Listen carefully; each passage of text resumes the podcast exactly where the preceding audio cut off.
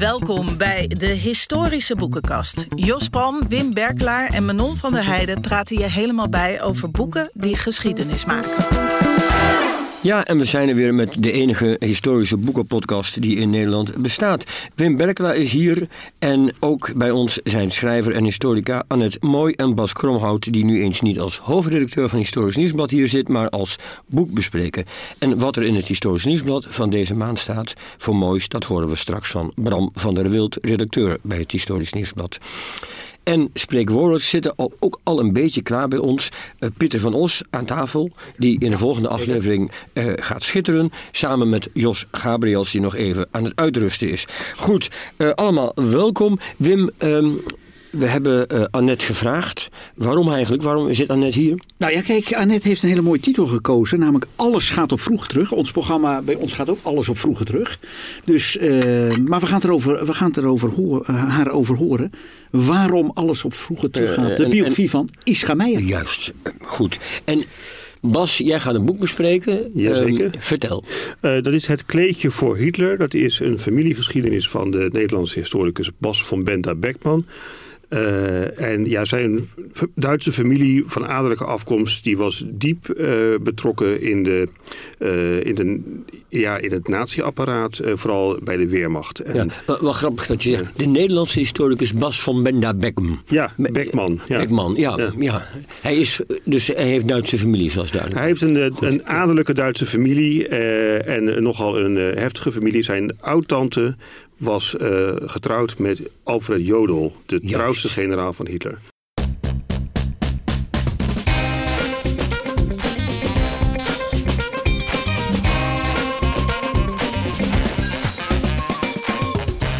Straks meer daarover.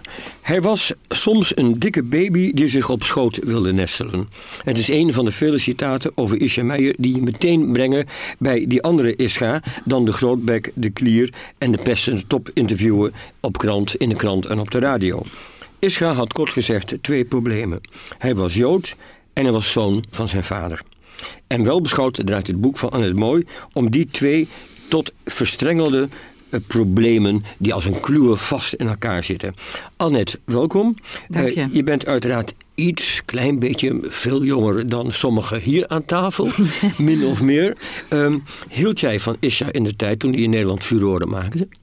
Ja, wel. Ja, nou, houden van is misschien een beetje aan de... Uh, aan de overdreven kant. Maar ik vond hem wel een heel intrigerend persoon altijd al. Het was eigenlijk een soort vaste waarde in, in, in, voor mensen van mijn generatie. En helemaal denk ik voor de ouderen, zoals jullie. Um, iemand die je overal en altijd maar tegenkwam. Waar, in, op de radio, op de televisie, in de kranten. Dus een hele een soort permanent fenomeen. Wat je altijd een beetje uh, ja, in de gaten had. Ja, en hier in Amsterdam kun je zelfs gewoon in cafés tegenkomen. Altijd wat slordig en slonzig ja, uh, ja aanwezig in kleding, maar verder uh, heel uh, scherp. Ja. ja. Wim, hoe was het met jou? Nou, ik hield uitgesproken niet van Meijer. Goed zo, we gaan verder. Nee, uh, ho, ho. En dat komt omdat hij... Uh, maar dat zijn, sommige mensen houden van... Dat komt door dat ontregelende. Ik hou helemaal niet van ontregelende interviews. Sterker nog, dat kon in die tijd. Het zou nu niet meer kunnen. Nu moet je volgens mij empathisch interviewen. Ik hou helemaal niet van het ontregelen. Dus ik heb eigenlijk een hekel aan die man. Oké. Okay. Maar oh, lang niet als zijn interviews zijn ontregeld. Nee, maar wat ik ervan zag, nee, ja. dat ligt mij niet. Ja, ja, maar ja, goed, we gaan daar niet op in. Uh, nee. Het is, het is een, nee. uh, mensen mogen alle meningen denkbaar hebben op aarde, Wim. Toch nog zij even hart gegund.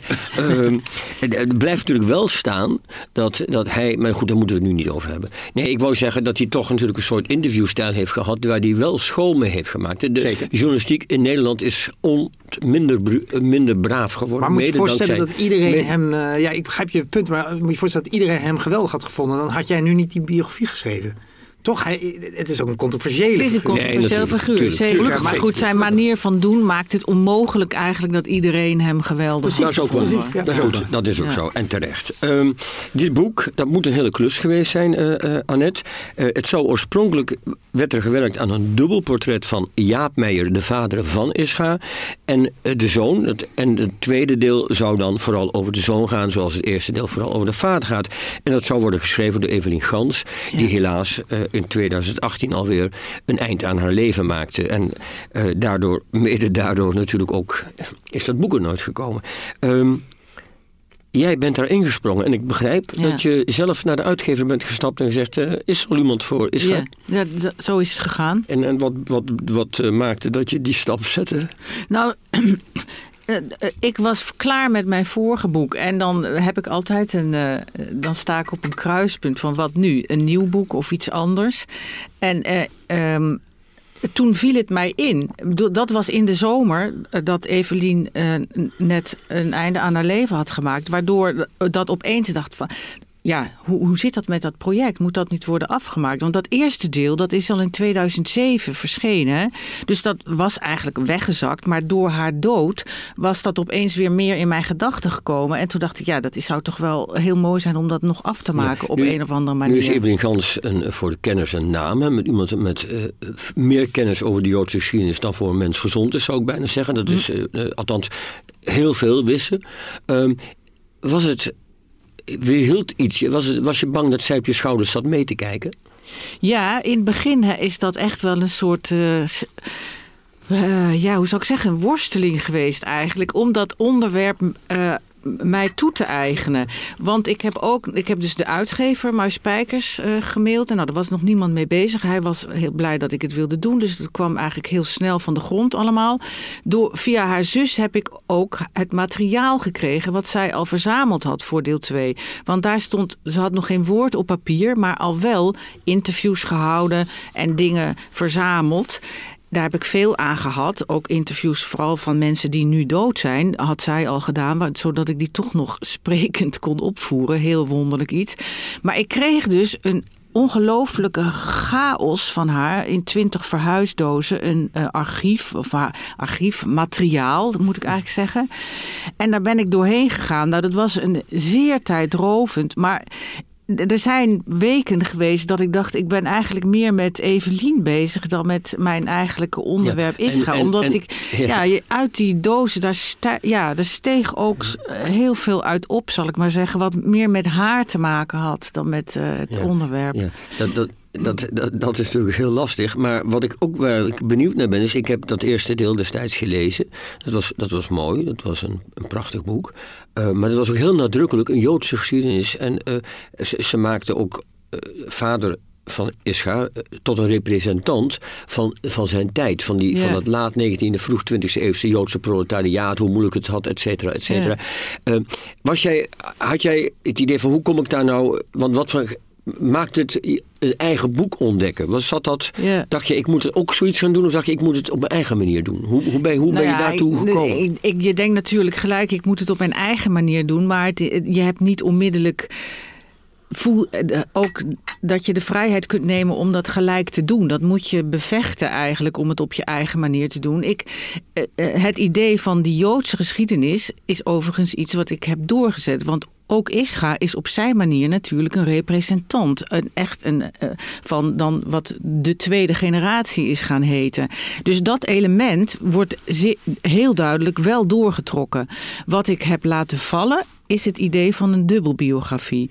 Want daarvan, daar kwam ik toch wel achter van dat is onwerkbaar. Ik bedoel, in dat eerste deel is Ischa een kind. Dat, dat, eh, dat- dan is hij een soort Het organisch als hij een jaar of tien is. ja, een organisch deel van dat gezin. Maar op een gegeven moment, die levens die gaan totaal uit elkaar lopen. En dat hele oeuvre van Jaap Meijer na de oorlog, dat is ook nog gigantisch.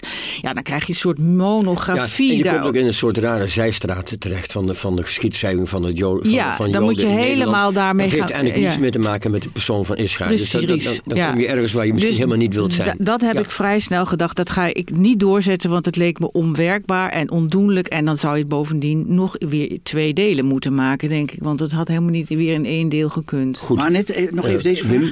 Eh, jij zegt, ik ben naar de uitgever gestapt, want, eh, zoals je het net zei, dat project was niet af. Maar wat had jij met Ischa? Want je kiest niet zomaar Ischa. Wat had jij met Ja. Ischa dat je dat boek wilde maken? Ehm, ja, een soort. eh, eh, niet helemaal. eh, oh, wel doordachte fascinatie. Dat ik eigenlijk gewoon dacht van dit is een mooi onderwerp. Ik bedoel, daar heb je toch... dat is een soort feeling of zoiets. Dat je denkt van ja... Ja, daar je- is, is een verhaal in die man. Je, je weet van Ja. tevoren, dit is drama. Ja, hoe je het ook precies. bent. En, Dat- eh, dat, is- dat is ja. het. Ja, Dat is heel dus- anders dan Evelien, hè? Eh, Vanwege die Joodse geschiedenis. Ja, Goed, ehm, Het is natuurlijk Nou absurde ja, vraag. dat is niet helemaal zo. Ik bedoel, want het is natuurlijk, waarom is hij interessant? Dat is natuurlijk wel omdat ook dat Joodse element uit zijn geschiedenis mij wel trekt, natuurlijk. Precies. Ik bedoel, Ja, eh, daar- daar zonder zo want- want- diep. Ik bedoel, ik, ik ben, ik ben niet Evelien, dat is zo duidelijk. Maar het is natuurlijk wel het onderwerp ook, of wat er omheen hangt, wat mij aanspreekt. Ik denk dat we daar dadelijk vanzelf op komen. Ik wil even, gewoon voor de goede orde, voor die, die paar of misschien wel vele luisteraars die denken, ja, ze zitten nu al tien minuten te praten over iemand die Ischa heet. Eh, waar zou het over gaan? Dat kan namelijk zomaar, en dat Ja. hopen we eerlijk gezegd ook. Kun je even eh, uitleggen waar hij zijn naam en faam aan eh, dankt als journalist, interviewen en zo meer? Nou ja, daar noem je het al een beetje. Hij dankt zijn voor, voornamelijk zijn faam aan het interviewen. Maar het was een alleskunner. Of nou, niet een alleskunner, een allesdoener. Hij heeft een onwaarschijnlijk veel, eh, veelzijdige loopbaan gehad. Hij is eh, begonnen als toneelrecensent. Hij is journalist geweest. Hij heeft op toneel gestaan. Hij zong. eh, hij, hij regisseerde. Eh, hij schreef, eh, hij heeft ook een aantal boeken geschreven, ook een, een roman. Hij schreef columns, reportages. Maar interviews zijn toch de hoofdmoot uit zijn oeuvre. En ook ja, het meest wezenlijke deel daarvan. En hij heeft al als interviewer gewoon een soort school gemaakt met een, ja, met een hele specifieke ja, op het verleden gerichte manier van kijken naar mensen, eh, terug naar hun jeugd, terug naar hun ouders, eh, nagaan eh, wat mensen dreef, eh, waarmee ze als kind waren opgezadeld, dingen die hun hele leven. Grote emoties, maar vaak niet zulke fraaie emoties die een heel leven bepalen. En Hij, was een soort meester-interviewer die, eh, die interviews maakte met iedereen en alles in Nederland, maar ook vooral bekende Ja. Bijvoorbeeld Lou de Jong heeft geloof ik voor het eerst hardop gesproken over zijn therapie en zijn psychiaters eh, bij, bij Isha. ja, Isha. ik geloof het ook. Ja. Dus, dus daar was hij befaamd om. eh, en hij deed er ook andere dingen naast. Maar Wim zei het al, jij zei het al, waar het natuurlijk om gaat is... we hebben hier te maken met iemand die... eh, ja, laat ik het zo toch maar in mijn eigen woorden zeggen. Ischa was in de eerste plaats toch ook eigenlijk een provocateur. Een kind van de tweede generatie van Joodse oorlogoverlevenden. En eh, die zelf met zijn ouders het kamp had overleefd. En Ja. hij ging niet in een hoekje onder tafel zitten, maar in tegendeel, hij ging erop Ja. slaan en ging provoceren. En ik denk eigenlijk, en ik ben benieuwd hoe jij daarnaar kijkt, dat dat de kern is van zijn betekenis. Dat denk ik ook. De- maatschappelijk gezien, die taboe-doorbreking die hij op dit vlak heeft teweeggebracht, is denk ik inderdaad zijn grote betekenis geweest. En ook de ongelooflijk consequente manier waarop hij dat deed. Want dat is iets wat in al, zijn, al die vertakkingen van, van, van zijn werk eigenlijk terugkomt. Ja. Ja, Maar mag ik daar iets raars over zeggen? ja, Ja. Wim, zeg Eh, jij eens iets zijn, raars. zijn, beide ouders, zijn beide ouders hebben het overleefd. Ja. Hij zit dan in Bergen-Belsen. Eh, daar maakt hij een heel verhaal bij. Maar je kan je voorstellen, dat schrijf je ook ergens in dat boek, dat andere Joden denken: ja, joh, waar heb jij het over? Jij speelt een beetje beroepsjood en anderen die, eh, die hebben, mijn ouders hebben het helemaal niet overleefd. Leven dat geen wrok op? Misschien even voor de luisteraars. Ischa is in 43 geboren. Dus, eh, en is met zijn ouders gedeporteerd en in Bergen-Belsen gekomen. Dus de eerste twee jaar van zijn leven heeft zich daar afgespeeld. Ehm, nou ja, dit is nou precies een van de fenomenen. Dat is grappig dat je dat zegt. Die Ischa zelf benoemd heeft. De hiërarchie van het leed. Wie heeft er het meeste recht van spreken? En dat is, eh, dat is iets wat zich afspeelt. Een soort dynamiek die zich tussen slachtoffers afspeelt. Waarmee ze ook elkaar eigenlijk dus weer het zwijgen opleggen. Leggen van jij hebt geen recht van spreken. Jij hebt alleen maar in Bergen-Belsen gezeten of in Theresienstad. Ja, denk je dat dat wat voorstelt? Hou je mond. Wij, ik heb in Auschwitz gezeten. Nou, die dynamiek, die echt ja, heel akelig nare manier van doen... Dat is, natuurlijk, dat is iets wat hij heeft blootgelegd. De leedadel is een van de woorden die hij gemunt Er zijn heeft. weinig woorden die ik me bij de- ja. de leedadel. Dus de leedadel, wie staat het hoogste in de hiërarchie? Dus inderdaad, hij kreeg daar zelf ook mee te maken. Daar zijn men, natuurlijk eh, speelde dat bij hem ook een rol. Dat mensen dachten van ja, hallo, jouw ouders, hebben, iedereen heeft het overleefd. Maar het, dat was dus wel weer heel knap. Hij trok zich daar dus niks van aan. Hij liet zich daardoor niet de mond snoeren. Ja. Terwijl dat wel dus vaak gebeurt. Ja, eh, dat is, dat, we moeten misschien ook heel even nog benoemen, eh, want we zitten nu vanzelf in de kern van het verhaal. Hè, namelijk, Ja. hoe ga je met die geschiedenis om dat je Jood bent en zoon van die vader, waar we dadelijk op komen. Maar misschien moeten we even nog schetsen hoe de man in, in, in zijn leven met vrouwen omging, met vrienden omging. Dat hij eigenlijk eh, een hechtingsprobleem had misschien eh, en, en behandelde mensen als wegwerpartikelen vaak.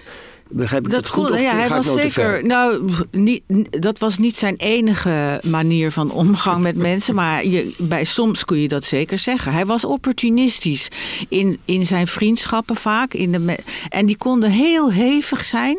Maar vaak waren ze ook kortstondig. Dan was iemand, dan was hij klaar met iemand. En dan ging die gewoon, trok hij weer door. Dus d- dat voelde voor die andere die eerst even dus helemaal in het centrum van zijn aandacht had gestaan. Ja, als van ik word hier gewoon gedumpt, ik word weggeworpen. Dus dat, daar heeft hij wel schade mee aangericht. En met vrouwen, ja, kon hij ook. eh, ja, kon hij zich heel horkerig en naar gedragen. Vooral in zijn jonge jaren. Hij is later wel eh, iets stabieler eh, geworden, waardoor het allemaal wat harmonie, eh, harmonieuzer werd. Maar in zijn jonge jaren, ja, wa- was het vaak, was, als je die hoe vrouwen hoorde, was vaak echt heel akelig. Ja. Vooral hoe die de manier waarop hij bij ze wegging. Ja. Ja, de, de, terug, terugblijven, de, de, de kern waar we het natuurlijk toch inderdaad over moeten hebben, is die, die persoonlijke geschiedenis. Eh waaruit blijkt natuurlijk dat hij is opgegroeid in een soort gezin waar men alleen maar met wantrouwen naar de wereld en alles Ja. en iedereen kan kijken. En dat heeft misschien ook met zijn omgang met mensen te maken, dat er ook een soort wantrouwen in, in geen vanzelfsprekende vertrouwen in elk geval, Ja. in wie of wat dan ook. Hoe, hoe is hij zo geworden? Uit wat voor gezin kwam die dan? Vertel Ja. eens. Eh, nou ja, dat kun je wel zeggen dat het een getraumatiseerd, beschadigd gezin was. Je kunt in, wat er in dat gezin gebeurde, denk ik niet één op één terugvoeren op de oorlog. Maar, eh, want ook voor de oorlog was eh, vooral zijn vader ook al een heel uitzonderlijk portret. Een ongelooflijke aandachtslurper. Iemand die altijd in het centrum wilde staan, die moeilijk kon verdragen. Dat anderen ook aandacht kregen. Maar goed, na de oorlog is daar dat extreme wantrouwen inderdaad tegen de buitenwereld bijgekomen. Wat natuurlijk in heel veel Joodse gezinnen. eh, eh, eh, nou ja, een rol speelde of alles bepalend was. De, de, de, de, angst en, en de, de manier waarop er naar buiten gekeken werd van eh, met wantrouwen en angst. Dat, dat heeft hij meegemaakt. En zijn vader, ja, dat was iemand met eh, waar hij een hele ambivalente verhouding mee had. Hij hield als klein kind ongelooflijk veel van zijn vader. Daar schrijft hij ook veel, veel over. Vader was als God voor hem. Dat viel bijna samen. Ook omdat hun momenten van emotionele nabijheid ook heel erg vaak met het geloof te maken hadden. Het samen naar de synagoge gaan, het samen lernen. Dat zijn zijn warmste herinneringen. Aan de andere kant was Jaap Meijer iemand die zijn zoon verschrikkelijk kon vernederen en kleineren. En, en nou ja, gewoon volledig kon afbreken. Ook voor zijn andere kinderen was dat zo. Hij, na de oorlog zijn er twee nog twee kinderen geboren. Ja, en het is op alle fronten in dat gezin dramatisch misgegaan. Die ouders hebben met al hun drie kinderen gebroken. Dus dat is zeer extreem. Ja, maar je zegt al net, eh, het is niet alleen aan de oorlog gekoppeld. Wa- wat is dat dan? Is dat iets karakterologisch van die Jaap Meijer? Ja, ik, ik denk dat, dat, dat dat is iets karakterologisch. Hij heeft zelf natuurlijk ook in zijn jeugd weer eh, eh, vreselijke dingen gema- meegemaakt. Hij is als jongen van 12 of hoe oud, 13 uit Winschoten al naar Amsterdam ges- eh, gestuurd. Omdat hij heel goed, heel slim was, goed kon leren. Dus ehm, eh, op, met, op kosten van de maatschappij tot nut der Israëlieten mocht hij eh, studeren om rabbijn te worden. Dus dat jongetje, dat kwam hier in Amsterdam, eh, ja, werd van huis naar huis. Elke avond moest hij ergens anders eten. Het was een ontzettend armoedig bestaan. Ook iets waar je achteraf trouwens ook wel weer met veel liefde over geschreven heeft. Over die oude Jodenbuurt. Want dat was natuurlijk na de oorlog allemaal weg. Ja, bij, voor Jaap Meijer was door en door Joods iemand die ja, na de oorlog moest meemaken dat alles, het hele weefsel waarin hij was opgegroeid, waar hij van hield, dat dat gewoon helemaal kapot was. Zijn, zijn familie, veel meer nog dan aan de kant van Isra's moeder, was iedereen uitgemoord. Zijn hele wereld was met de grond gelijk gemaakt. Hij was een historicus, die hield van archieven. Nou, als een gek weer aan het werk gegaan om van bij, uh, om weer het materiaal en collecties weer te herstellen. Ja, en tegelijkertijd was hij ook een hele rare man. Die dan zelf weer boeken stal uit de, uit de bibliotheken waar hij werkte. Omdat hij die dan voor zijn eigen collectie wilde gebruiken. Dus ja, een, een heel wonder, ja, karakterologisch ook een heel ingewikkeld iemand. Nou ja, je proeft een beetje uit jouw boek. En ik vraag, ik vraag deze vraag ook omdat het misschien een verbinding met Ischa heeft. Ischa beschouwt als God, zeg je net. Als klein kind. Ja, als klein kind. Maar je hebt het gevoel bij, bij Jaap Meijer, jouw boek lezen, dat dat ook een man is met een gigantisch min, minderwaardigheidsgevoel. Als Groningen die naar Amsterdam komt. Die daardoor voortdurend loopt te produceren. Ja, maar, ook loopt te overschreeuwen. Hè? Dus een ontzettende agressie tegen de academische wereld wereld bijvoorbeeld. Hij, is nooit, hij heeft nooit een positie gekregen aan de universiteit. En dat, nou ja, dat was eh, eh, iets wat Ischa hem ook voortdurend in het gezicht duwde om hem te, te treiteren gewoon. Uh, dus dat, dat, dat, daar was een enorme agressie in dat gezin. Maar goed, Jaap Meijer was dus iemand die al door liep af te geven op collega's die wel erkend waren, academische erkenning hadden. De, de, de vraag waar het natuurlijk om gaat hier is dat is altijd de discussie. Is, is iemand al wat hij is voordat hij in het kamp wordt opgesloten en alle ellende meemaakt? Of wordt hij pas karakterologisch uh, een ingewikkeld en een moeilijk en een, een getroubleerd mens door dat kamp? En nu meen ik dat Ischa onder meer van de beroem, een beroemdere oude, oudere journalist, uh, de meeste mensen kennen hem niet meer, Brugsma, ja. en ook van een uh, psychiater hoort van kijk, het kamp maakt wat er al is in je karakter alleen maar erger. Het vergroot het uit. Het is er al. Het wordt alleen heel erg uitvergroot door het kamp. En het versteent als het ware. En, en dat is voor hem een hele bevrijdende kennis, als ik het goed begrijp. Zeker, dat is ook zo. Hij, hij is gaan, legde er echt nadruk op dat het niet alleen de oorlog was. Maar ik, ik denk zelf dat het niet alleen een kwestie is van bepaalde trekken die versterkt worden. De oorlog voegt natuurlijk ook nog toe. Een onnoemelijk verdriet wat die man had, wat die ouders hadden. En dat is niet een versterking, dat is een toevoeging. Dat is, een, ja, dat is gewoon iets vreselijks wat, waar die mensen mee moeten leven de rest van hun leven. Dat is een toevoeging. En, en wat was dan, want, want in, jouw, dat, in jouw boek laat je ook zien dat Ischa mede door eh, die, die kennis van je wordt in het kamp nog erger dan je al was, bij wijze van spreken, zijn vader. Uh, je maakt die verschrikkingen mee. Wat is het moment dat hij durft, hardop durft te zeggen: Ik ben een slachtoffer van de slachtoffers? hardop bij brief aan mijn moeder. Is, dat is echt een doorbraak voor hem. Dat is in 74 en dat is echt dan, dan een, een soort coming out als, uh, als, als tweede generatie. Hij is natuurlijk uh, formeel eerste generatie. Hij is zelf vervolgd geweest. Maar hij zegt zelf altijd, ja die kamptijd, ik heb daar geen herinnering aan. Hoezeer hij ook zijn best heeft gedaan om zichzelf terug te vinden als baby en klein jongetje. Maar hij, is, hij presenteert zichzelf naar buiten toe veel, inderdaad veel meer als een slachtoffer van kampslachtoffer slachtoffers. En dat, het moment dat dat gebeurt is, uh, is met brief aan mijn moeder. Hey, en hoe valt, dat, treedt hij daarmee hoe valt dat in de Joodse gemeenschap? Want hij, hij provoceert, hij duwt en het trekt. Hoe viel dat in... De, want jij schrijft ook ergens, dat vind ik ook fascinerend...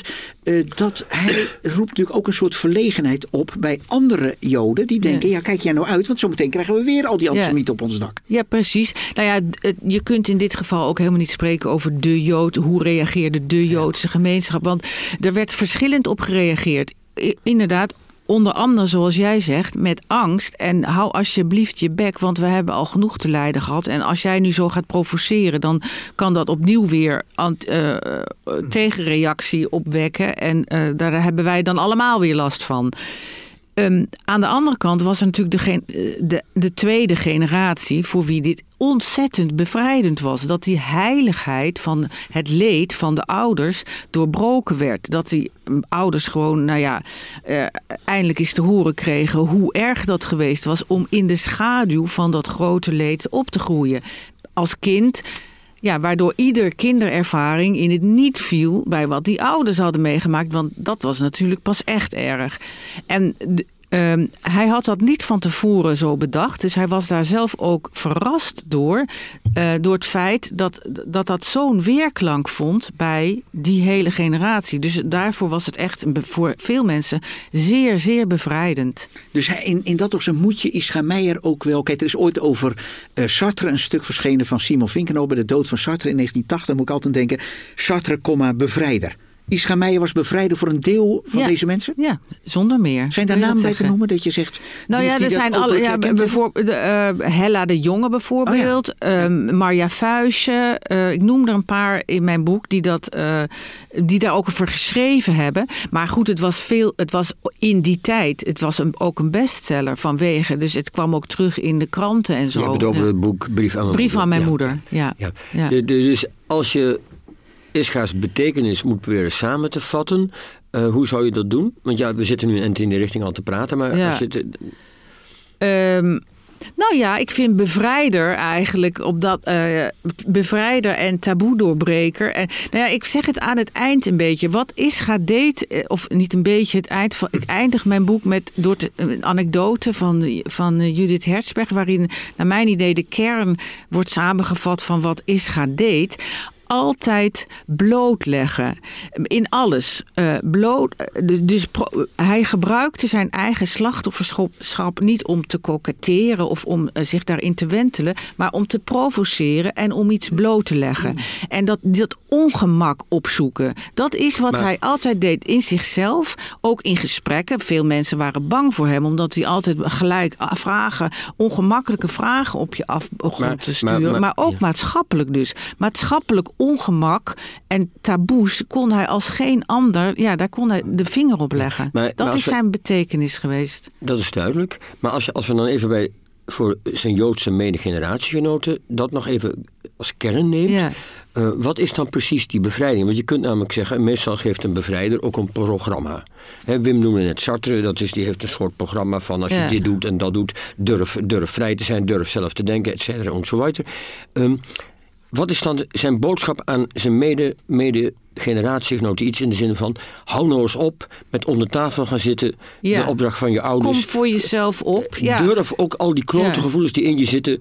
Durf ruzie te maken met je ouders. Is, is dat de bevrijding? Ja, ik weet, hij had, het is zeker niet zo dat hij een programma had. Maar Nee, hij gaf wel een Hm. soort mentale bevrijding, denk ik. Van denk, eh, ja, eh, inderdaad, probeer eh, je te, on- te, onder, te, te onttrekken aan de druk van, van, en de heiligheid van, van het leed van je ouders. En hij zei, nou, ik bedoel, hij gaf niet echt aan, eh, eh, de, de opdracht van kom in protest. Maar gewoon dat iemand anders dat deed, was al op zich En- bevrijdend. En, en zie jij onder huidige eh, schrijvers, auteurs van Joodse komaf mensen waarvan je denkt, ja, die hebben de erfenis van Ischa opgepakt? Of Ehm, nou ja, hij was wel een uniek fenomeen. Kijk, je kunt Arnon Grunberg noemen. ehm, maar dat, die, is, die, die is zo anders weer. Dat, dus dat, ik, vind het, ik vind eigenlijk, er is geen tweede Ischa. Ook niet op interviewvlak. Nee, dus ik vind het eigenlijk eh, ver gezocht om iemand te zoeken die... eh, die- Ja, ik heb, daar heb ik wel een vraag over. En het is een beetje een platte vraag vergeleken met waar we het net over hadden. Maar ik ben toch heel benieuwd naar. Terwijl jij het boek schreef, denk ik, de Ja. biografie, kwam er opeens een televisieserie. Die heette misschien ook wel gewoon Ischa. Maar het ging over Connie Palm en Ischa Meijer, dus de Ja, laatste jaren. IM, dat is IM, ja, ja, ja, ja, ja. En dat is natuurlijk een massaproduct. Ik vond het zelf prachtig, eh, veel plezier aan beleefd. Met een uh, Ramsi Nasser speelt hem. Ja. En dan terwijl jij natuurlijk als historicus zo dicht mogelijk probeert te komen bij de historische Ischa Meijer, kan ik me voorstellen dat ze daar ook een Ischa Meijer neerzetten die het ja, die vermengd is met die acteur, met het verhaal. Uh, was dat merkwaardig als biograaf? Dat je denkt, oh jee, maar er is een hele andere Ischa Meijer nu in de, in de hoofden van de mensen. Ja, maar dat, ik had dat minder met die, eh, eh, met, met die tv-serie dan met het boek IM natuurlijk. Want dat, daar, daar is het een, een, een verfilming Ja. van. En van daar, Connie Palmer, ja, dat, eh, dat is drie jaar na zijn dood verschenen. En daarin wordt natuurlijk een beeld geschetst van een Ischa en een liefde die ik een plaats moest geven. Maar die in dat boek, eh, wat een roman is, ja, is uit, uit het leven is gelicht eigenlijk en is uitvergroot. Dus ik, ja, dat, daar, dat, dat was natuurlijk een heel lastig iets. Omdat dat in de beeldvorming natuurlijk heel erg Heel bepalend, ja. heel bepalend is geweest. Dus ja, Ehm, dat is in het boek, denk ik, doet- ja, dat is enigszins teruggebracht. Omdat je daar, ja, je, in het kader van zo'n leven is, ja, is Connie Palme de, de laatste vier jaar van zijn leven. Ja, dat is heel anders als je het in dat kader plaatst. En ook dan, een romancier. dan als je het inderdaad een roman, eh, ja, een geïdealiseerde maar, maar, maar wat is dan precies ehm, het andere kader? Want als je IM leest, Ja, dan, eh, en ik lees jouw boek... ja. En dan denk ik, oh verdomme, hij doet bij Connie... Wat hij bij al die andere vrouwen ook deed. En alleen misschien in iets mindere Nou ja, mate. hij dat- gaat dat, ah, naar ja. Amerika op rij. Hij doet dezelfde vakantie. Nee, alleen al doordat... Maar wat dat- is er toch een verschil desondanks? Nou ja, alleen al door dat te laten zien, heeft een hele relativerende eh, effect op, op de, die laatste relatie. Eh, sorry, maar wat vroeg jij? Eh, Nou, Wat is ik- het verschil tussen ik, ik eh, vroeg of, nou, of, of Connie, Connie, jouw boek? Ja. Connie maakt van zichzelf de prinses. Ja. En Ischa de prins die elkaar gevonden hadden. Ja. Was het dat ook? Eh, op een bepaalde manier wel, maar dat, dat was bij Ischa heel vaak zo. Hij had Hij had natuurlijk, ja, hij had natuurlijk best veel prinsessen. Wat, ja, wat je kunt zien is dat Ischa niet echt. Hij vond het verrukkelijk, de, die, de, de, de, de liefde en de een, aandacht en de totale laat, laat, laat, ik- laat ik overga- de vraag anders stellen. Ja. Sorry dat ik je in de reden val. Is Connie degene waar Ischa zich het meest aan durfde te binden? Want deze man heeft bindingsangst, dat is duidelijk. Ja. Was, was zij Nou, misschien dat? is dat wel zo. Want hij is in zijn loop van zijn leven... Ook voor Connie heeft hij al een relatie gehad... met wie die, aan wie hij zich echt wel... Die, had, die heeft die vrouw beëindigd. Ehm, eh, het binden ging hem wel steeds beter af. Ja, dus dat zou, ik zou, dat zou je best kunnen zeggen. Het is ook een beste voor hem, voor zijn doen. Die relatie duurde al vier jaar. Hij had wel... Hij had allerlei altijd ondergrondse relaties. En Nee, die, dat vind ik heel mooi. Ondergronds, fijn Ja, begrip. Dat ja, houden, ja. die houden we erin. En Ik heb een ondergrondse relatie. Ja. die is mooi. Ja, ja, nee, zo, ja, zo was dat voor hem. En daar heb je er, is er, zit er ook wel eentje van zes jaar. Maar dit was voor hem dus echt lang ook. Hey, Annette, ik heb, Wim, nog- ik heb je laatste vraag de- voor deze, jou. deze vraag nog even. We hebben het steeds over het Jood zijn, over zijn relaties en zo. Maar ik, toen ik jouw boek las, dacht ik ook. Je zei net, Ischa is uniek in zijn soort. Werd even gelijk getrokken. Eventueel aanstand zag je zeggen Arno Grunberg. Ja, Ja. eh, wel of niet. Maar ik, je boek lezen dacht ik ook. Dit is echt ook een man uit de jaren 70 en 80. Zeker, heel je erg. noemt als grootste punt die interviews. Je bent iets kritisch over het andere werk. Mijn vraag is. Ischa Meijer anno 2023. Zou dat nog kunnen? Dit soort interviews, zijn grote werk. Kan dat nog? Nee, Dus eh, is het ook een tijdsverschijnsel? Heel erg, ja. Ik bedoel, in zijn manier van doen, de manier van doen van mannen eh, in die jaren, eh, om het wat breder te trekken, dat is nu al dat is nu ondenkbaar. Maar ook zijn manier van interviewen is nu niet meer. Kijk, het interview kwam op in die periode. Er was, er was enorm veel aandacht en ruimte in de, in de geschreven pers in die tijd. Dus hij kon ook heel veel. En hij had een publiek wat toch nog eh, redelijk argeloos was. En dat is ook iets wat volledig verdwenen is. Het interview is zo alomtegenwoordig geworden.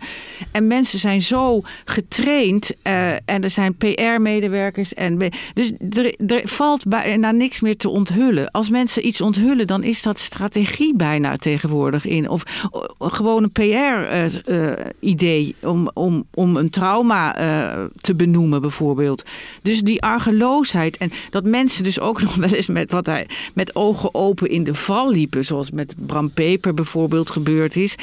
Dat, dat kan je je helemaal niet meer voorstellen. Dus het publiek is ook veranderd. En er Ja. zijn zoveel interviews dat dat hele spannende wat er in die tijd nog was, ja, is er toch ook van af. Kijk, eh, mag ik, mag, ik, mag, ik, mag, mag ik het gaan afronden en zeggen... Ja. als je met een potlood het, het tegenwoordig zeer actuele... en zeer veel gebruikte begrip grensoverschrijdend... eh, ja. die kun je op elke bladzijde een keer of vijf eh, neerpennen...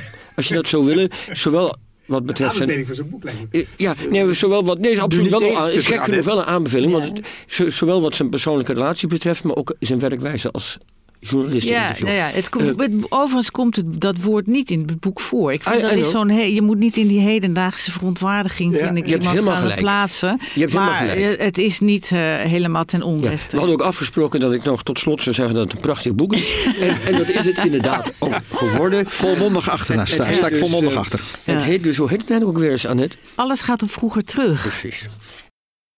En nou ja, het ligt in de winkel. De boekbespreking van. Ja, de boekbespreking is ditmaal van historicus Bas Kromhout. Uh, Bas, het kleedje voor Hitler een familiegeschiedenis. Uh, prachtige titel. Uh, waar gaat dit boek over? nou, het gaat dus over de familie van de auteur, Bas von Benda Beckman. en dat is een, een Duitse adellijke familie. en het gaat dan met name over de oorlogsperiode. Want die familie heeft tot diep in de haarvaten van het Hitlerregime gezeten. Met name aan de militaire kant. Uh, Oud-tantes waren uh, secretaresses bij de, bij de Weermacht. Uh, de opa van Bas, eh, van Bende Beckman, was piloot. Die is ook gesneuveld. en met name één oud-tante, oud-tante Louise, die was heel bijzonder, want die kreeg een relatie met Alfred Jodel. En dat was een van de laatste generaals die trouw waren aan Hitler. Hij was de, zeg maar, de tweede man op het Oberkommando der Weermacht. Ja, even Alfred Jodel. Ik, kijk naar Bas, maar kan ook voor hetzelfde geld naar Wim kijken. Moeten we hem eh, in het rijtje zetten bij eh, Geuring Gubbels of hoort hij in een ander rijtje thuis? Nee, wel, hij is natuurlijk, hij is, uh, natuurlijk net als Geuring Gubbels. Nou, niet als. Uh, ja, Geuring. Nee, niet als Gubbels natuurlijk. Die heeft zelfmoord gepleegd. Maar wel als Geuring. Hij, die, die heeft ook nog zelfmoord gepleegd uiteindelijk. Maar hij hoort bij het proces van Nuremberg. Dus ook hij is opgehangen. Maar hij is, denk ik, maar daar hoor ik zo wel van. Maar was hij een foute natie of was hij, het een trouwe generaal? Ja, het is volgens mij gemengd. Het is een ideologisch generaal. Maar het was niet een ideoloog à la uh, Himmler en Goebbels, denk ik. Ja, dat is, dat is waar het boek voor, voor een groot deel over Daar ben ik benieuwd naar. Want ja. uh, zijn uittante Louise was lange tijd de verdediger van haar, van haar man. Ze zijn uh, op de valreep nog in 1945 nog, nog getrouwd. Ik zal daar misschien straks wat meer over zeggen. Uh, zij was ook betrokken bij het proces. Zij, zij uh, was secretaresse van de advocaat. Uh, heeft zich zijn hele leven heeft ze zich druk gemaakt om uh, ja, de, de, herinnering aan haar man uh, wit te wassen. Ehm, door heel erg een scheiding aan te brengen. door wel de misdaden van het naziregime te, te erkennen. Maar haar man daarvan vrij te pleiten. Want hij was toch maar een trouwe generaal die voor zijn vaderland vocht. Ja. Uh, en dat uh, gaat Bas van Benda zeer nauwgezet na. En hij laat er eigenlijk weinig van heel van, van die apolitieke soldaat. Want hij was wel degelijk zeer overtuigd van het nationaal socialisme. Hij was zeer onder de indruk van Hitler.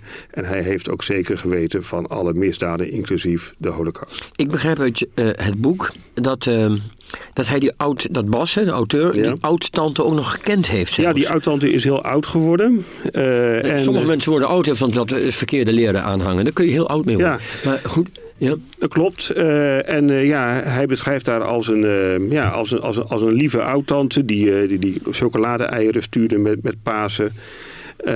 en die ook zeer veel belangstelling had toen, toen Bas geschiedenis ging studeren. Er ook een, een brief stuurde aan hem, die ook wordt geciteerd in het boek. Uh, waarin zij hem toch eigenlijk al een beetje probeert in, haar, in haar spoor mee te krijgen. En zegt van, nou ik vind het heel interessant dat je gaat hebben. Hij wilde een, een paper schrijven over de aanslag op 20 juli 1944 van het, van het, het, verzet van Stauffenberg. En daar had zij natuurlijk allerlei meningen over. Dus zij, zij wilde hem daar eigenlijk al een beetje... Uh, nou, ze bood haar hulp eigenlijk al aan, maar je, je, je, je, je proeft een, een, een bijbedoeling. Zij wil natuurlijk dat hij uh, wel de, de, onderscheid blijft maken dat, dat ook de mensen die trouw bleven aan Hitler binnen de Weermacht, dat die uiteindelijk ook maar gewoon hun, hun plicht deden.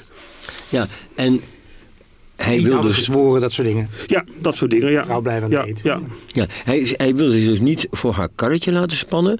En um, hoe komt hij er dan achter uh, dat deze Jodel niet zomaar een brave generaal was, maar een behoorlijk uh, ideologisch foute generaal? Wat, wat zijn de harde feiten die hij omhoog weet te halen? En hoe weet hij, dat, hoe weet hij die mythe kapot te maken? Hoe doet hij dat? Um, nou ja, hij, hij gaat gewoon echt gewoon heel degelijk onderzoek doen. Uh, en daarvoor gaat hij ook kijken in de, uh, ja, in de bronnen natuurlijk. Hij gaat archiefonderzoek doen. Er is wel een biografie over hem verschenen. Hij is niet helemaal de eerste die, die dat doet, maar die is toch volgens hem wel iets, iets te, gaat iets te veel mee in het frame van, van, de, van de apolitieke generaal. ja, hij, ik, zoals een goede historicus betaamt pluist hij dat helemaal uit en, en beweegt hij ook af van hoe waarschijnlijk is het inderdaad dat Jodel, als Jodel beweert van ik, ik wist niet van, van, van, de, van de holocaust, hoe waarschijnlijk is dat? Nou ja, dat is eigenlijk zeer onwaarschijnlijk. Je kunt er eigenlijk wel, wel uh, gewoon van uitgaan dat hij, dat hij op de hoogte was. Um, hij is ook uh, onder andere veroordeeld vanwege het uh, beruchte uh, commissarisbevel. Dat is een bevel van Hitler. Moet je even uitleggen. Ja, ja dat ik even, wat Hitler heeft gedaan tijdens zijn kruistocht tegen de Sovjet-Unie. En dat door Jodel is ondertekend. waarin hij beveelt dat de zogenaamde politieke commissarissen... die aan de rode troepen waren toegevoegd... om de rode troepen uh, in feite politiek op, in het gereel te houden... Dat, dat, dat die mensen niet als krijgsgevangenen te behandelen waren... maar ter plekke waren te executeren.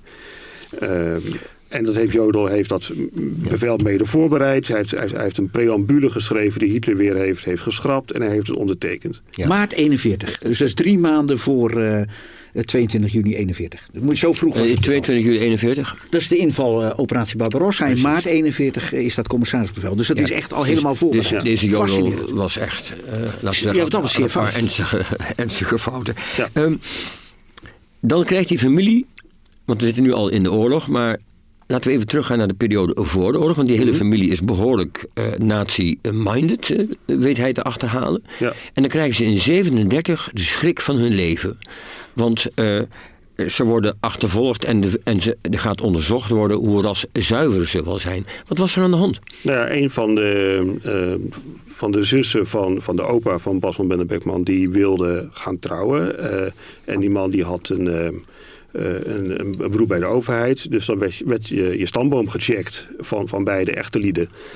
Uh, en daar, daar leek in een ver verleden leek daar een, Joodse voorvader uh, te zijn.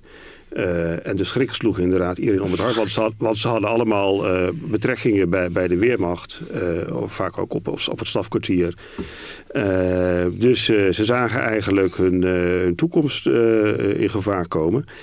Um, en, Terwijl het zou betekenen dat ze een zestiende of zo Joods zouden zijn geweest. Ja, het was Alleen inderdaad. afkomst. Ja, van het was inderdaad uh, niet, niet zo dat ze, dat ze half Joods waren of dergelijke. Nee. Maar, maar goed, het was toch een smet uh, waar ze, van, uh, ja, waar ze van, van bevrijd wilden, wilden worden.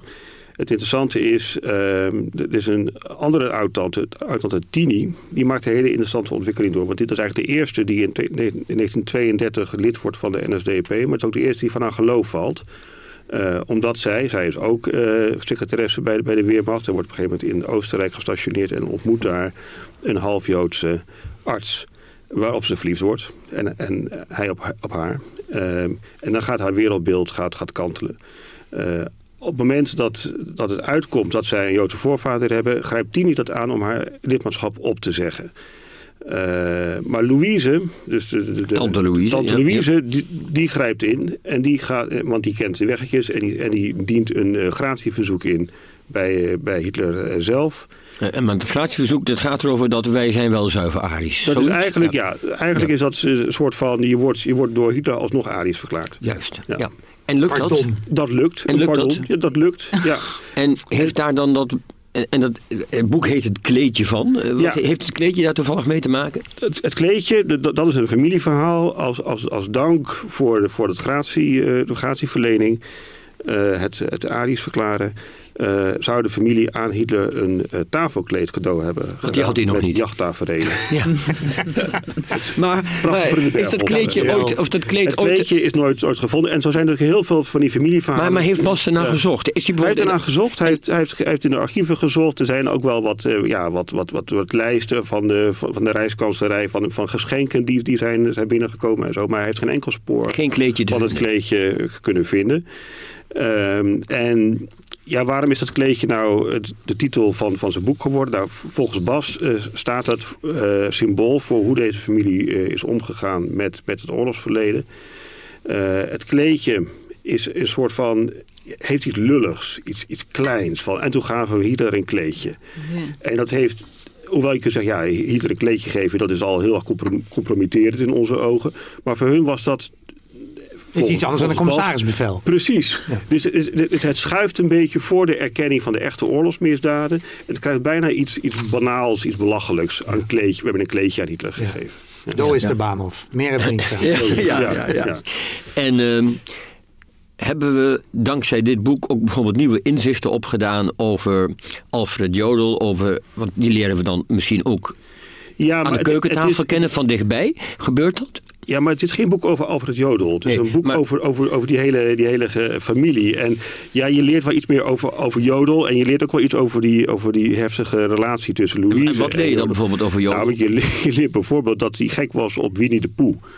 uh, want ze gaven elkaar uh, koosnaampjes. Uh, hij noemde haar Rabbit uit Winnie de Poe. En ze tekenden ook uh, tekeningetjes, doedeltjes van, van Winnie de Poe in hun brieven en zo. Dus ze, waren, ze leefden eigenlijk privé in een soort van verliefde fantasiewereld. waarin Winnie de Poe dus ook een belangrijke rol speelde. het was trouwens een hele interessante relatie. Want, het zijn, want Jodel was al getrouwd toen zij een relatie kregen. En die vrouw die, uh, die, accepteerde dat, wel of niet vrijwillig. Maar er ontstond een soort driehoeksrelatie.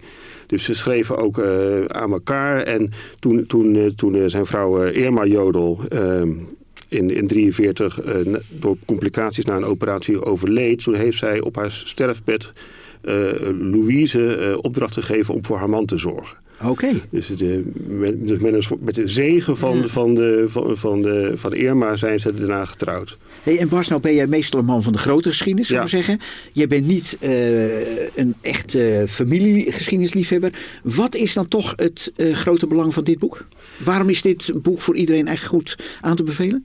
Nou, ik, ik vind het sowieso een ontzettend knap boek. Het is, eh, Bas van Benne Beckman heeft al een en ander op zijn naam staan over de Velse affaire, over Oranje Hotel. Hij is, Geallieerde oorlogsmisdaden? Ja, hij is een ontzettend goede, goede schrijver. En het is ook een heel erg, heel erg eerlijk boek. Hij, hij spaart zijn familie totaal niet. Hij spaart zichzelf ook niet. Hij voelt zich verantwoordelijk. Dat vind ik zelf altijd wat moeilijk invoelbaar. Maar ik heb een andere relatie met mijn familie dan, uh, dan Bas, denk ik. Die komt uit een adellijk geslacht. En die adellijk geslachten die hebben ook altijd de neiging om, om vooral uh, dat, uh, de boel bij elkaar te houden. Dus, en, en hoog te houden, hè? En hoog Alles te houden. hoog te houden. Dus, hij, ja. hij, dus al, zelfs al zou hij willen ontsnappen aan zijn familie, dan, dan kan dat niet. Want op een gegeven moment wordt zelf verteld dat zijn vader is helaas een paar jaar geleden overleden. En dan erft hij de familieportretten van de familie von Benda. Dus die, die heeft hij nu in huis. Ja, ik kan me voorstellen dat het iets met je doet. Als daar je portretten van je, van je 18e en 19e eeuwse voorvaderen... Zeker. Je zit aan te staren. Je zit aan te staren dat je dan toch het gevoel hebt van... ja, ik, ik kan niet aan deze familie ontsnappen. Ik, ik ben een von Benda. Ja. Maar dan moet ik ook uh, alle uh, nare kanten recht in het gezicht staren. Dat is heel anders dan die van Boetselaar. Die, heel ja, van Boetselaar. Ja, ja, nee, dus, dus absoluut. Maar, dit is, ja. Ja. Maar producenten die nu luisteren, dit, is ook, dit moet verfilmd. Alles wat jij erover vertelt met Willy de Poel en Goed portretten. Punt. Dat, ja, Goed punt. Ja. We, gaan het, uh, we gaan het zien. Het is inderdaad een prachtig boek, als ik het goed heb. Um, hoe heet het weer eens? Het kleedje voor Hitler, een familiegeschiedenis. Wat staat er deze maand in Historisch Nieuwsblad? Ja, wat staat er deze maand in Historisch Nieuwsblad? Bram van der Wild schuift even aan. Bram, vertel eens, wat zijn de dingen die mensen zeker gelezen moeten hebben? Nou, Jos, ik zou zeker beginnen als ik uh, een lezer van Historisch Nieuwsblad was, en dat ben ik. Uh, uh, dan zou ik beginnen bij het dossier. Het dossier gaat dit nummer over de ontwrichtende impact van nieuwe communicatievormen. Nou, interessant. Ja, zeker is dat interessant. Het is ook Klinkt heel... wat abstract, ja. ja. ja. dat zal ik toelichten. Het is heel actueel uh, natuurlijk omdat uh, uh, we nu misschien wel in een, de, de, te maken hebben met de ontwrichtende impact van kunstmatige intelligentie, AI. Wat kunnen we nog aannemen dat echt is? Wat kunnen we nog aannemen dat waar is? Uh, wat is door een robot geschreven? Wat is door een mens geschreven? En eenzelfde soort waarheidscrisis vond plaats in de 15e eeuw. Uh, naar uh, aanleiding van de uitvinding van een drukpers. We weten natuurlijk wel dat de drukpers een enorme rol heeft gespeeld in de reformatie. Uh, en dat vond met name uh, plaats omdat er uh, van beide kanten heel veel pamfletten werden verspreid. allerlei propaganda werd verspreid. En daardoor kreeg men geen goed beeld meer van wat is nou werkelijk waar gebeurd. een ander artikel binnen het dossier gaat over de uitvinding van de, het cassettebandje. Wat natuurlijk voornamelijk bekend is. De rol die het heeft gespeeld in de verspreiding van de popmuziek.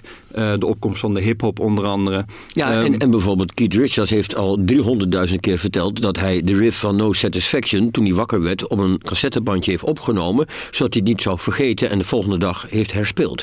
Dus alleen daarom al cassettebandje van belang. Maar ga door. Precies, precies. Maar buiten de popmuziek heeft het ook belang in eh, politiek opzicht. Namelijk, eh, het was natuurlijk een heel makkelijk manier om je eigen boodschap, niet alleen muziek, maar ook gewoon een gesproken boodschap op te nemen. Wat onder andere werd gebruikt door Ayatollah Khomeini tijdens de Iraanse revolutie in 79. Toen Khomeini zelf ehm, eh, in, eh, In Parijs zat, In denk ik? Parijs zat, ja. Kon hij nog wel contact houden met het thuisfront door politieke speeches op te nemen die vervolgens in Teheran werden afgespeeld voor een publiek van honderden mensen die allemaal zaten te luisteren naar de opname van een cassettebandje. Dus dat heeft een ongelofelijke invloed gehad. Verder zou ik nog willen wijzen op twee andere artikelen die ik zelf eh, heel interessant vond. Dat is eh, ehm, de osse oorsprong van het eh, grote bedrijf Unilever. Ik las laatst in het NRC dat het Unilever zijn Nederlandse oorsprong voornamelijk in Rotterdam zit. Nou, dat Worst. is een beetje. Worst. Nou, voornamelijk margarine. worst, os. Margarine, de Margarine, margarine-unie, daar komt het woord unie van Unilever vandaan. Dat was een unie die werd gevormd door twee van oorsprong concurrerende bedrijven die allebei toevallig in Os zaten. Dat was eh, de katholieke familie Jurgens en de Joodse familie Van den Berg. En die waren met z'n tweeën waren die ongeveer de leverancier van margarine van half Europa. En die zaten allebei toevallig in Os. Dat, dat was een hilarische concurrentie natuurlijk. Ehm, en die zijn op een gegeven moment samengegaan. En er zijn uiteindelijk toen naar Rotterdam eh, verhuisd. En vervolgens samengegaan met de Lever Brothers. Ehm, en de, de impact daarvan in Os is ook heel belangrijk. Omdat ze toen ze op een gegeven moment allebei weggingen. werden dus twee grote fabrieken die veel, voor veel werkgelegenheid zorgden. gingen tegelijk weg uit Os. Eh, wat natuurlijk voor veel werkloosheid zorgde. Wat een enorme influx gaf aan de ontwikkeling van georganiseerde misdaad in Os. Waar Os ook bekend van staat. De bende van Os onder andere. Waar Os tegenwoordig ook nog steeds mee te maken heeft. Laatst werd nog de godvader van Os eh, eh, veroordeeld voor zijn rol in de cocaïnehandel. En een ander heel hilarisch stuk, eh, geschiedenis kan ook heel grappig zijn, vond ik, is de middeleeuwse processen van dieren. In de middeleeuwen, late middeleeuwen, werden nog regelmatig dieren voor de rechter gesleept. Ehm, en bijvoorbeeld onder andere een prachtige openingsplaat van een eh, zeug, een moedervarken met kleine biggetjes die met een traan die langs haar wang biggelt, staat ze in het eh, gerechtshokje omdat ze wordt aangeklaagd omdat ze een baby had aangevallen. Dat is in eerste instantie heel hilarisch om te lezen, maar ook heel interessant. Hoe kan het dat mensen op zo'n manier in die tijd naar dieren keken dat ze dachten dieren moeten ook verantwoordelijk worden gehouden voor hun daden. Ja, misschien moeten we dat met de wolven ook nu weer gaan toepassen. Maar Precies. kregen ze Dan dan ook maar- straf? Ze werden dan veroordeeld tot ja, wat voor zeker. soort dingen dan? Nou, er was onder andere, eh, werden volgens mij op een gegeven moment een groep wolven die werden veroordeeld. Omdat ze, nou weet ik veel, een, een, een, eh, eh, de kudde van een, een, een herder Ja. of een boer hadden aangevallen. En toen was het zelfs zo dat ehm, de wolf werd veroordeeld. En dat er allerlei wolven uit de omgeving moesten daarvan getuigen zijn. Zodat zij zagen eh, wat er met een eh, misdadige wolf zou gebeuren. Dood Ja. en die werd Die geëxecuteerd. werd geëxecuteerd, ja. Fascinerend. Klinkt Ja. prachtig allemaal. Eh, Iemand nog iets toe te voegen? Nou ja, het is een beetje jammer. Ja, Kort en krachtig, Wim. Eh, Bram heeft mij alle gras voor de voeten Oh, heel goed over ze, met alle waardering en alle lof weggewaard. Want ik had ook genoten van die verhalen over van Anton Jurgens en eh, Van den Berg. Oh, de, de koningen van, de onderkoningen die van het helemaal niet met elkaar ja, konden ja. vinden en toch samen gingen. Ja, het is een van die mooie verhalen. Nee, prachtig. Ja.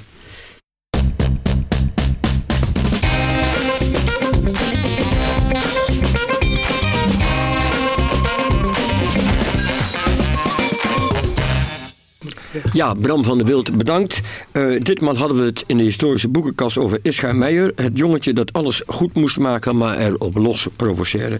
We hoorden hoe hij een kleedje voor Hitler, een, voor Hitler een adellijke familie haar ras zuiverheid deed behouden.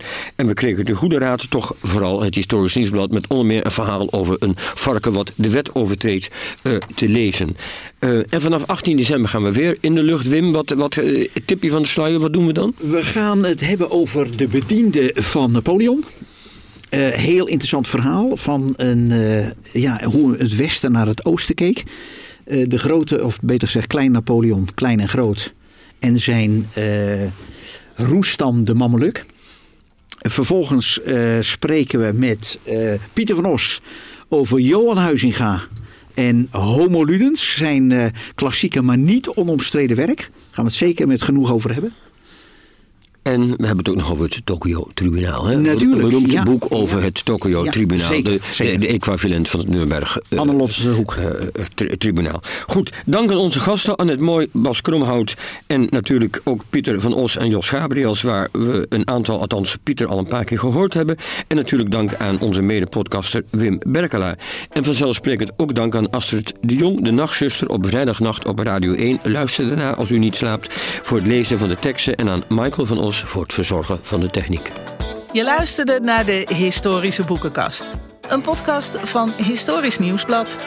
Wil je meer weten over historische boeken en verhalen uit de geschiedenis? Schrijf je dan in voor de nieuwsbrief via historischnieuwsblad.nl slash nieuwsbrief. En heb je vragen, opmerkingen of tips? Mail dan naar redactie.historischnieuwsblad.nl Deze podcast wordt mede mogelijk gemaakt door Boomuitgevers Amsterdam, Uitgeverij Lano, Uniboek Het Spectrum en Libris Boekhandels.